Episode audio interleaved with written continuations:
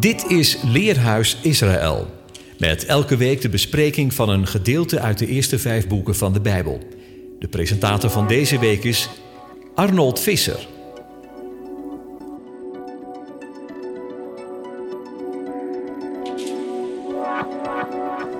Beste luisteraars, hartelijk welkom bij weer een uitzending van het Leerhuis. In deze parasha staat Bereshit op het programma. In den beginnen schiep God de hemel en de aarde. De eerste woorden vanuit de Bijbel en ook de eerste woorden die klinken als de eerste woorden van de jaarlijkse Torah-cyclus. Met de parasha Bereshit beginnen we aan een nieuw jaar en het lezen van de wekelijkse lezing. Het Loofhuttenfeest is geweest. Dan wordt ook de laatste parasha gelezen en het laatste hoofdstuk uit de Torah, Deuteronomium 34. Op het Loofhuttenfeest wordt tevens Genesis 1 gelezen als beeld dat het leven doorgaat. Het herhaalt zich, cyclus. Vanaf het begin naar het eind en weer naar het begin. Of zoals de Rebbe zei, we moeten leven met de tijd. In de zin dat we moeten leven met de wekelijkse Torahlezing. Over de hele wereld lezen Joden wekelijks het voor die week bestemde gedeelte uit de boeken van Mozes. Het bepaalt het ritme van het Joodse jaar. De herfst valt samen met Genesis, Bereshit. De verhalen over het begin, de geboorte van de wereld, de mensheid en het Joodse volk. De winter valt samen met Exodus, Shemot, het verhaal van de ballingschap en de bevrijding, slavernij en vrijheid en het begin van de lange reis naar het beloofde land. Bij de lente hoort Leviticus, Wayikra, met zijn offerwetten en belangrijke wetten om je naaste lief te hebben als jezelf en de vreemdeling, de ander, die niet is als wij. Numeri, Bamidbar, luidt het feest van de openbaring, Shavuot in, met het verhaal van de Israëlieten in de woestijn, een beladen verhaal over terugval, rebellie, over de geboorte van een natie. Tot slot de zomer, de tijd van Deuteronomium, Devarim, met de toespraken die Mozes tijdens zijn laatste maand van zijn leven hield, waarin we lezen over de bestemming van het volk, van het verbond, met als opdracht om te leven en te vertrouwen op de eeuwige. In deze eerste parasha staan we stil bij het scheppingsverhaal. Joodse geleerden stelden de interessante vraag waarom de Torah eigenlijk begint met de schepping van de wereld. De Torah is immers eigenlijk een wetboek. Waarom begint de Torah niet met de uittocht uit Egypte? Dat geldt toch als het begin van het Joodse volk en het begin van de Joodse kalender? In Exodus 12, vers 2 staat: Deze maand zij u het hoofd der maanden, de eerste zal zij zijn van alle maanden des jaars. De geleerde Nachmanidas geeft hierop het volgende antwoord. Het is noodzakelijk de Torah te beginnen met In den beginnen schiep God de hemel en de aarde. Want dit is de basis van het geloof. Je zult eerst in God als schepper van deze wereld moeten geloven, voor je zijn geboden in acht kunt nemen. Het geloof in God gaat aan al het andere vooraf. In zijn commentaar op de tien geboden brengt Nachmanidas deze gedachte nogmaals naar voren. Je zou je kunnen afvragen, zo stelt hij, of het eerste gebod, ik ben de eeuwige uw God, die uitgevoerd heeft uit het land Egypte, naar de letterlijke tekst wel een gebod is. Hij meent van wel. Uitgerekend dat gebod gaat vooraf aan de negen andere geboden en verboden. Oftewel, je zou God kunnen vergelijken met een koning die zijn onderdanen vertelt dat zij hem moeten erkennen als hun heerser en in hem moeten geloven voordat hij hen zijn wetten geeft. Het geloof is dus de basis van het Jodendom. Geloven is iets wat ieder mens in zich draagt. We moeten het echter wel in onszelf ontdekken en koesteren. En bovenal moet de mens voortdurend werken aan het versterken daarvan. De Torah moet niet alleen gelezen, maar ook geleefd worden. Als er iets is dat ons moed en wijsheid schenkt in de woestijn van het bestaan, dan is het de wetenschap dat we niet alleen zijn. Dat God ons voorgaat in een wolk en vuurkolom die ons de weg wijst. We mogen ons met de Joden als gelovigen uit de volkeren het volk van het boek beschouwen. waarin we Zijn woorden aan ons ontdekken. Waar Joden ook ter wereld waren, de Torah vergezelde hen. Zij droegen haar en ze werden gedragen. De Torah werd voor de Jood, zoals Heinrich Heine het ooit zei, het draagbare vaderland. We weten dat de betekenis van de Torah onderwijzing, instructie en richtsnoer is. Het is een commentaar op het leven en het leven is een commentaar op de Torah. Laten wij nooit moe worden om het boek van het leven te bestuderen en toe te passen. Het is het meest kostbare geschenk van de God van het leven. Nog niet zo lang geleden zat ik wat te bladeren in oude boeken, toen ik ook het Bijbeltje van mijn overleden moeder zag liggen. Op de eerste bladzijde had ze een gedicht van de volksdichter van Nederland, Jacob Cats, geschreven.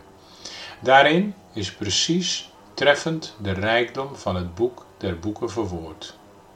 Lees mij vrij, zevenmaal, ja, zeventig maal zeven. Nog vat uw brein niet al, al wat in mij is geschreven. Hoe meer gij in mij zoekt, hoe meer gij in mij vindt. Hoe meer gij in mij leest, hoe meer gij mij bemint.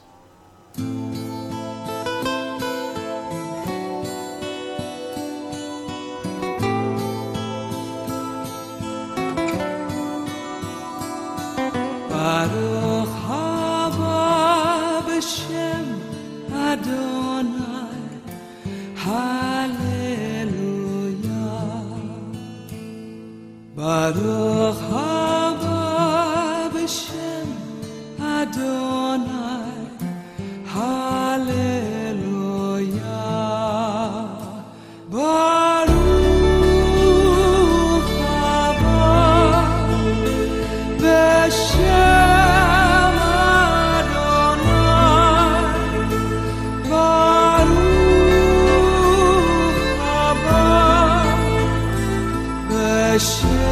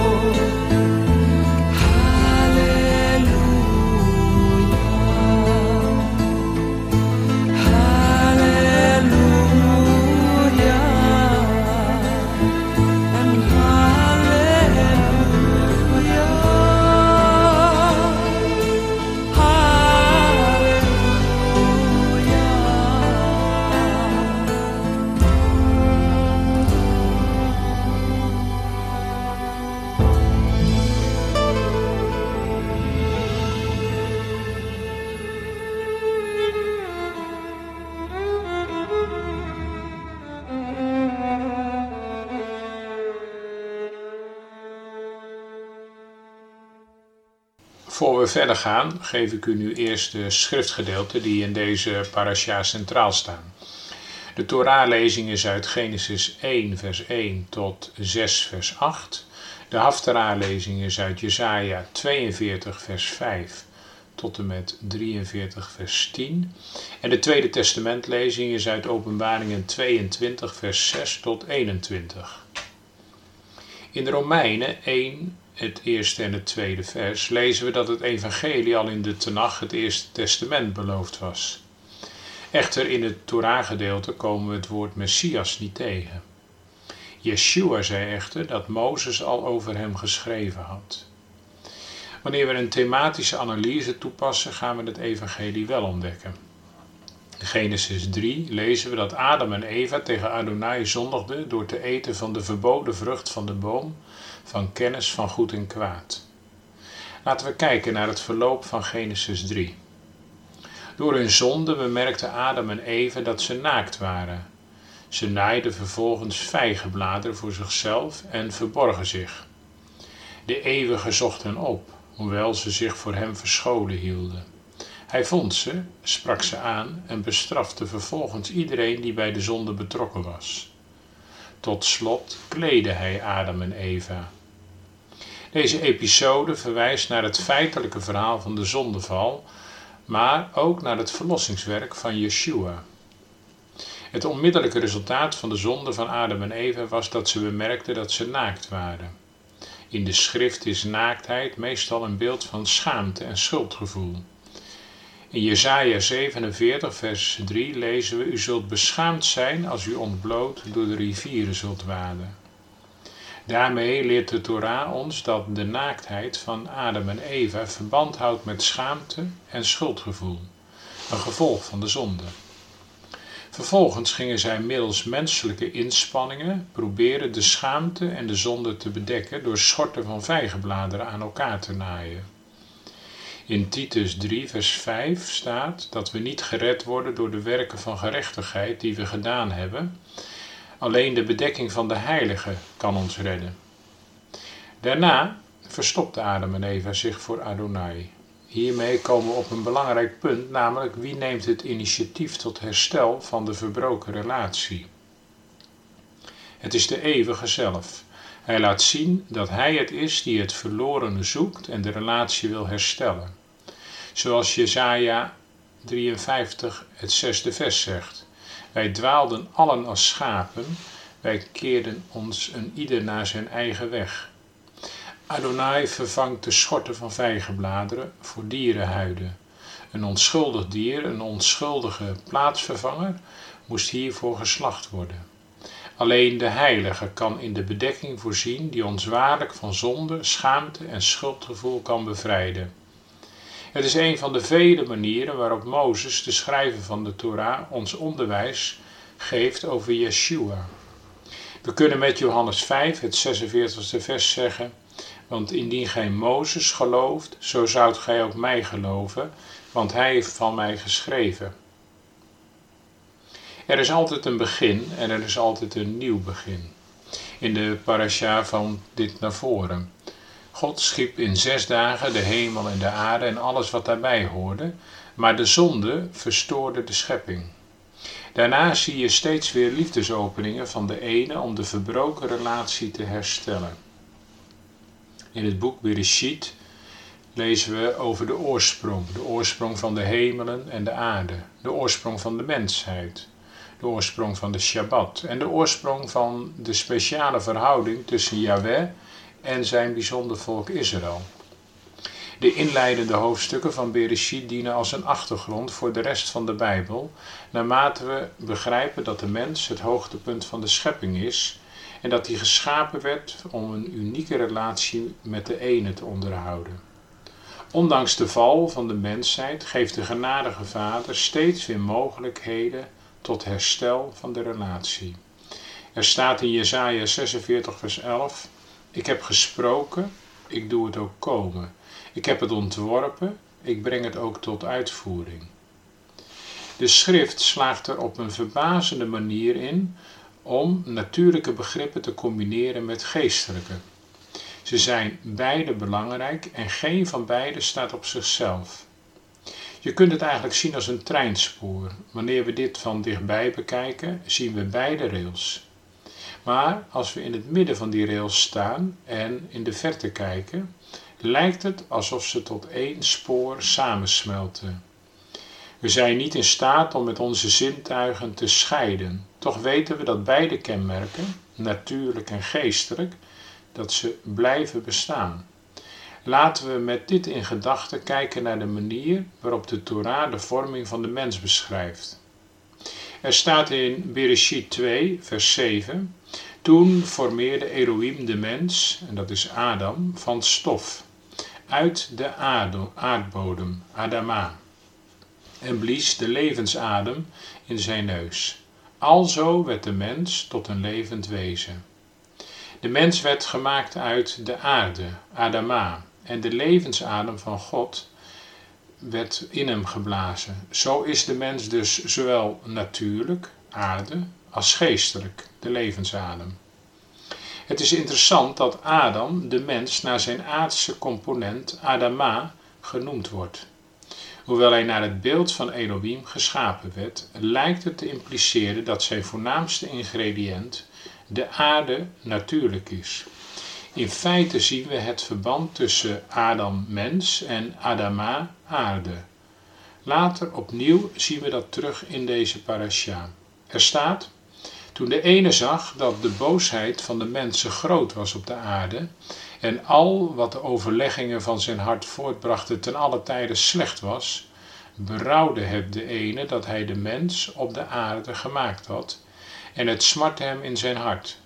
En de ene zei: ik zal de mens, Adam, die ik geschapen heb van de aardbodem, Adama, uitroeien. De mensen zowel als het vee en het kruipend gedierte en het gevogelte des hemels, want het berouwt mij dat ik hen gemaakt heb. De mens, Adama en Adama aarde, associatie, is een thema dat als een rode draad door heel de Torah loopt. Na de schepping van de mens uit de aardbodem en zijn ingeblazen leven door de schepper, zien we dat de mens vervalt in zonde. Dit wordt gevolgd door een vloek op de aardbodem. Er staat: En tot de mens zeide hij: Omdat gij naar uw vrouw hebt geluisterd en van de boom gegeten, waarvan ik u geboden had, gij zult daarvan niet eten, is de aardbodem om uwentwil vervloekt. Al zwoegende zult gij daarvan eten, zolang gij leeft, en doornen en distelen zal hij u voortbrengen. En gij zult het gewas des velds eten. In het zweet uws aanschijnt zult gij brood eten, totdat gij tot de aardbodem wederkeert, omdat gij daaruit genomen zijt. Want stof zijt gij, en tot stof zult gij wederkeren. Voor de zonde kon Adam gewoon vruchten plukken van de bomen van de aardbodem. Na de zonde moet hij zoeken in een land van doornen en distelen. Niet alleen dat, maar hij wordt verbannen uit de tuin om de aardbodem waaruit hij genomen werd te bewerken. Goed om te bedenken dat Adam niet gevormd werd uit de bodem van de tuin van Eden. Daar werd hij pas later ingeplaatst. We zien dat Adam in conflict is met de aardbodem, van waaruit hij zelf gevormd werd. Het is interessant dat dit conflict tussen Adam en Adama enkel tijdens het leven bestaat. Na zijn dood keert de mens terug tot stof, wat een soort aards herstel illustreert. Er staat: Stof zijt gij en tot stof zult gij wederkeren. Hoofdstuk 4 brengt het verhaal van de eerste moord, Opnieuw vinden we een man, Adam, die zondigt, gevolgd door een vloek die invloed heeft op de aarde. Wanneer Elohim Kain confronteert, geeft hij aan dat hij niet alleen zondigde, maar dat hij de aarde, Adama, verontreinigde. Nu, wanneer Kain de aarde, Adama, zal bewerken, zal deze niet vruchtbaar zijn voor hem. Zij zal aan ontginning weerstaan, ondanks zijn inspanningen. Terwijl Adam verbannen werd uit de tuin van Eden, zal Kaïn een vluchteling worden op de hele aarde.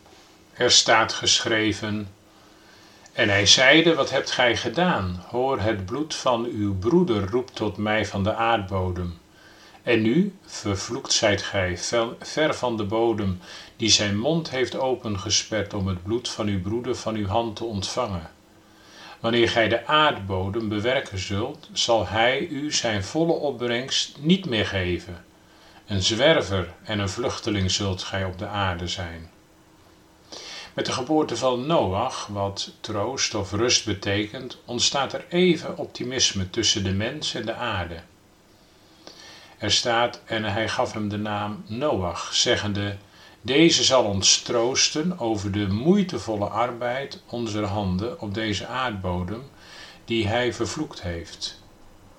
Toch zette de achteruitgang van de mens zich verder en rust en troost zouden slechts door het overblijfsel van de familie van Noach gevonden worden in de ark van verlossing en behoud. Er staat toen Jaweh zag dat de boosheid van de mensen groot was op de aarde en al wat de overlevingen van zijn hart voortbrachten ten alle tijden slecht en boos waren, berouwde het Jaweh dat hij de mens op de aarde gemaakt had. En het smartte hem in zijn hart. En Jaweh zeide, ik zal de mensen die ik geschapen heb van de aardbodem uitroeien. De mensen, zowel als het vee en het kruipend gedierte en het gevogelte des hemels. Want het berouwt mij dat ik hen gemaakt heb. Dit zijn de slotwoorden van onze parasha. In slechts vier hoofdstukken heeft de mens, Adam, zo ernstig gezondigd dat zijn schepper klaar staat om hem uit te roeien. De mens is nu volledig verdorven. De overleggingen van zijn hart zijn ten alle tijde slecht en boos. Omwille van de mislukkingen van de mensheid, Adam, is de aarde, Adama, niet langer in staat hem te onderhouden.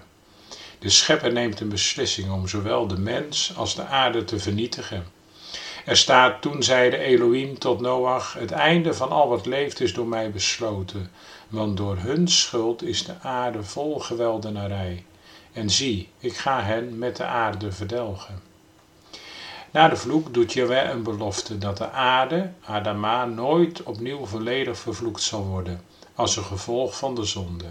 Er staat, toen zeide Jaweh bij zichzelf, ik zal de aardbodem niet weer vervloeken om de mens, omdat het voorbrengsel van de mensen hart boos is van zijn jeugd aan. Ik zal al wat leeft niet weer slaan, zoals ik gedaan heb.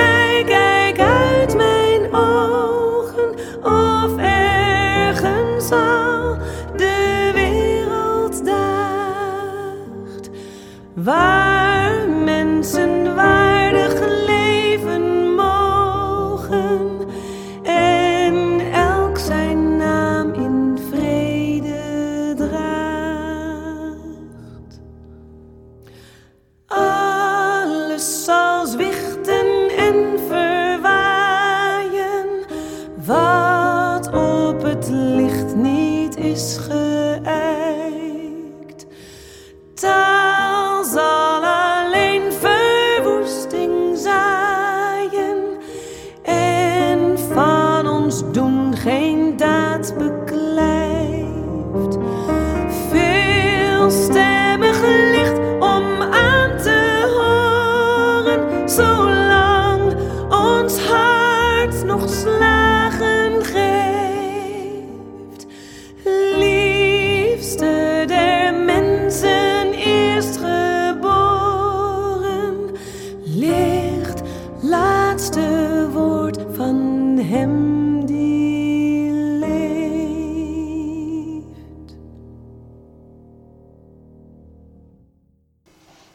De is er een verandering in de manier waarop de zonde van de mens, Adam, de aardbodem, Adama, aantastte.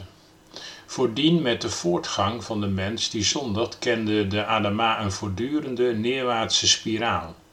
In Bereshit 8, vers 21 belooft Yahweh genade voor de mensheid, ondanks zijn neiging tot het kwade. Yahweh zal andere manieren vinden om de handelingen van de mens te bestraffen. Gezien de mens zich al zo ver van de tuin verwijderd heeft dat hij niet langer de lessen van zijn oorsprong kan begrijpen. Er is echter één plaats waar de Adam en Adama-relatie zal blijven bestaan, zelfs na de vloed. Die plaats is het beloofde land van Israël. De tweede paragraaf van het Shma, die tweemaal per dag, s ochtends en s avonds opgezegd wordt, richt zich tot Israël als een volk wiens lot met betrekking tot het land afhankelijk is van het feit of ze al dan niet getrouw zijn.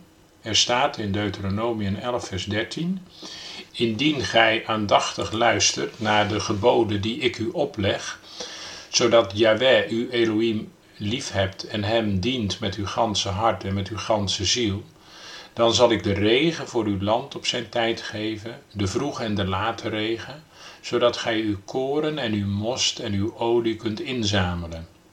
En ik zal op uw veld gras geven voor uw vee, zodat gij kunt eten en verzadigd worden. Neemt u ervoor in acht dat uw hart zich niet laat verlokken, zodat gij afwijkt, andere goden dient en u voor hen neerbuigt. Dan zou de toren van Jaweh tegen u kunnen ontbranden en hij zou de hemel toesluiten, zodat er geen regen komt, de bodem zijn opbrengst niet geeft en gij weldra te gronden gaat in het goede land dat Jaweh u geven zal. In Israël wordt Jahweh's volk bedreigd met landbouwkundige tegenspoed wegens ongehoorzaamheid. Zij die bekend zijn met de landbouwkundige geschiedenis van Israël zullen bemoedigd worden door wat alleen maar kan worden beschouwd als het begin van een herstel, waarbij het land Israël zichtbare tekenen vertoont van ontluiking en bloei. Het is echter nog veraf van een volledig herstel. Er staat in Ezekiel 36, vers 35, en men zal zeggen: Dit land dat verwoest was, is geworden als een hof van Ede. De steden die verwoest en vernield in puin lagen, zijn weer versterkt en bewoond. Zo zien we dat het natuurlijke land Israël geestelijk gevoelig is. Het heeft potentieel van enorme zegeningen voor gehoorzaamheid. Het heeft echte vernielingen geoogst doorheen de millennia omwille voortdurende zonde. Zoals in het begin, Bereshit, is het plan van de Vader om leven in te blazen in de mens, Adam.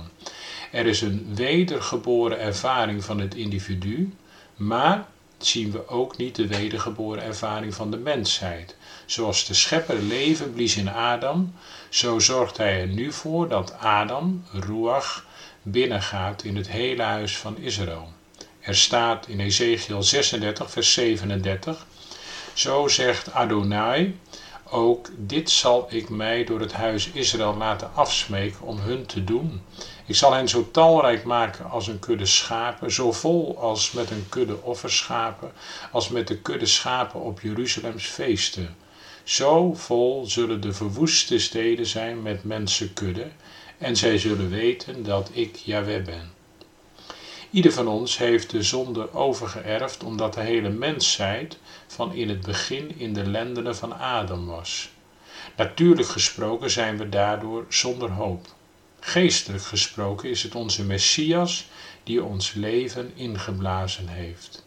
Er staat in Johannes 14, vers 6, Yeshua zeide tot hem, ik ben de weg, de waarheid en het leven. Niemand komt tot de Vader dan door mij. Adam zondigde en van dan af werd de mens gedwongen af te rekenen met doornen en distelen. We weten dat doornen en distelen van de aarde zijn. Maar Yeshua geeft ons geestelijk inzicht. Er staat: Wacht u voor de valse profeten die in schapenvacht tot u komen, maar van binnen zijn zij roofgierige wolven. Aan hun vruchten zult gij hen kennen. Men leest toch geen druiven van dorens of vijgen van distels? Zo brengt iedere goede boom goede vruchten voort. Maar de slechte boom brengt slechte vruchten voort. Een goede boom kan geen slechte vruchten dragen, of een slechte boom goede vruchten dragen. Iedere boom die geen goede vrucht voortbrengt, wordt uitgehouwen en in het vuur geworpen. Zo zult gij hen dan aan hun vruchten kennen. De goede boom bevat de goede vrucht, bevat het zaad van de Messias. Druiven en vijgen zijn zoet en voedzaam voor het lichaam. De woorden van een ware profeet zijn zoals een vrucht die voedzaam is voor de geest. Aan de andere kant zijn de vrucht, de woorden van de valse profeet, zoals doornen en distelen voor de geest. Dit onkruid heeft het potentieel om het woord van Elohim te verstikken. Er staat in Matthäus 13, vers 22: De in dorens gezaaide is hij die het woord hoort en de zorg van de wereld en het bedrog van de rijkdom verstikt. Het woord en hij wordt onvruchtbaar. De schrijver van Hebreeën verwijst ook naar doornen en distelen die leiden tot vloek, want er staat, want de grond die de regen, welke er telkens opvalt, indringt en het gewas voortbrengt, geschikt voor hen, ter wille van wie hen ook bewerkt wordt, ontvangt zegen. Doch als hij doornen en distelen draagt, is hij ondeugdelijk en niet ver van de vervloeking die uitloopt op de verbranding. We zullen Paulus dit voor ons allen laten samenvatten wanneer hij verwijst naar de eerste Adam, de natuurlijke mens, en de laatste Adam, de geestelijke. Wanneer we onszelf identificeren met onze Messias, de geestelijke mens, is de zonde die de aardse mens, Adam, vernietigt, machteloos tegen de opgestane verlosser. En zij die deel worden van zijn lichaam. Er staat in 1 Korinthe 15 vers 44, is er een natuurlijk lichaam, dan bestaat er ook een geestelijk lichaam. Aldus staat er geschreven, de eerste mens, Adam, met een levende ziel de laatste Adam, een levendmakende geest. Doch het geestelijke komt niet eerst, maar het natuurlijke en daarna het geestelijke. De eerste mens, Adam, is uit de aarde, Adama, stoffelijk. De tweede mens is de Adonai uit de hemel. Gelijk de stoffelijke is, zij ook de stoffelijken. En zoals de hemelse mens is, zijn ook de hemelsen. En gelijk wij het beeld van de stoffelijke mens gedragen hebben, zo zullen wij ook naar het beeld van de hemelse mens dragen. Samen met de laatste Adam komt de ultieme verblijfplaats. Deze keer zal de tuin van de beruchte boom van kennis van goed en kwaad niet bevatten, maar slechts de boom van leven, de laatste Adam, volledig met zijn lichaam, de bruid, zal naar de tuin terugkeren waar hij zal regeren tot in alle eeuwigheden. Er staat in Openbaringen 22 vers 1 En hij toonde mij een rivier van wateren des levens, helder als kristal, ontspringende uit de troon van Yahweh en van het Lam. Midden op haar straat en aan weerszijden van de rivier staat het geboomte des levens dat twaalfmaal vrucht draagt. Iedere maand zijn vruchtgevende en de bladeren van het geboomte zijn tot genezing der volkeren. En niets vervloekt zal er meer zijn. En de troon van God, van het Lam, zal daarin zijn, en zijn dienstknechten zullen hem vereren. En zij zullen zijn aangezicht zien, en zijn naam zal op hun voorhoofden zijn. En er zal geen nacht meer zijn, en ze zullen geen licht van een lamp of het licht van de zon van noden hebben, want Adonai, Elohim, zal hen verlichten en zij zullen als koningen heersen tot in alle eeuwigheden. Ik wens u allen een hele gezegende Shabbat Shalom.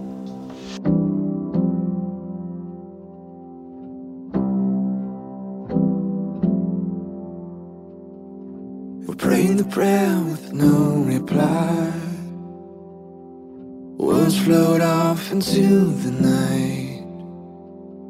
Couldn't cut out time with the sharpest knife. arguments.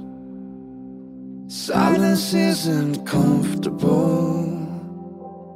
We won't drive through peace and instant hope.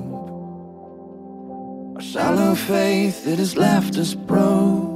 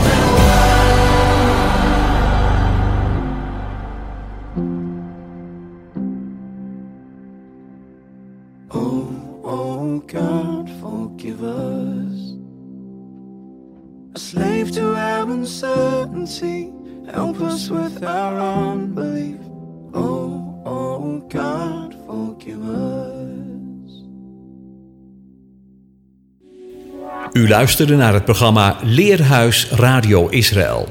Een wekelijkse studie aan de hand van de Bijbelgedeelten die wekelijks door de Joodse gemeenschap worden gelezen. Heeft u een vraag of opmerking? Stuur dan een e-mail naar info@radioisrael.nl. Het leesrooster vindt u op onze website.